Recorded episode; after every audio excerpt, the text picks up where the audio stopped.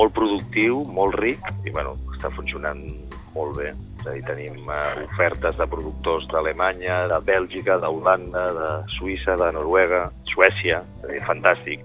Marc Retxa es mostra encantat de l'experiència a l'atelier. Ell és un dels 15 directors seleccionats aquest any per poder presentar-hi el seu projecte i trobar coproducció, el finançament necessari. Fa 4-5 anys que el director de Petit Indi no dirigeix cap llargmetratge, una situació dura que sembla que aviat canviarà crec que l'atelier en aquest sentit ha estat definitiu, és a dir, ha estat l'estocada final per tirar endavant.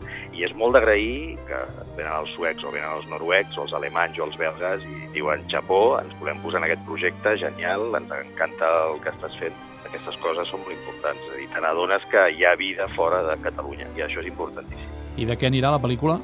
És un thriller i és una història molt forta entre un pare i el seu fill adolescent i que tot d'una viuen refugiats en un lloc de la muntanya i tot d'una es creuen amb dos gàngsters serbis i, i canvia absolutament les seves vides. Marc Retxa, que el 2010 va formar part d'un dels jurats del Festival de Canes, se sent més estimat professionalment a fora que aquí.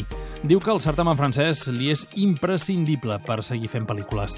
Fa 26 anys que en fa i que busca suports a l'estranger. Tal com estan totes les històries eh, i sobretot del desballestament criminal eh, de la indústria del cine a Catalunya, eh, amb el tsunami que hi ha hagut, clar, la gent que no estava treballant a fora i que no estava fent coses ha estat totalment arrossegada. Nosaltres portem molts anys fent sempre coses a l'exterior amb coproduccions i això ens ha salvat. Per això, Marretxa llença un advertiment i fa una dura crítica a la doble moral de les administracions. A Catalunya sembla que els polítics no respecten no? i no s'estimen no? Catalunya en aquest sentit. Molt bla, bla, bla, bla, bla, però res. En canvi, des de fora ens estimen molt. Respecten el que hi ha, la cultura, sobretot. Un país que no estima la cultura no és un país.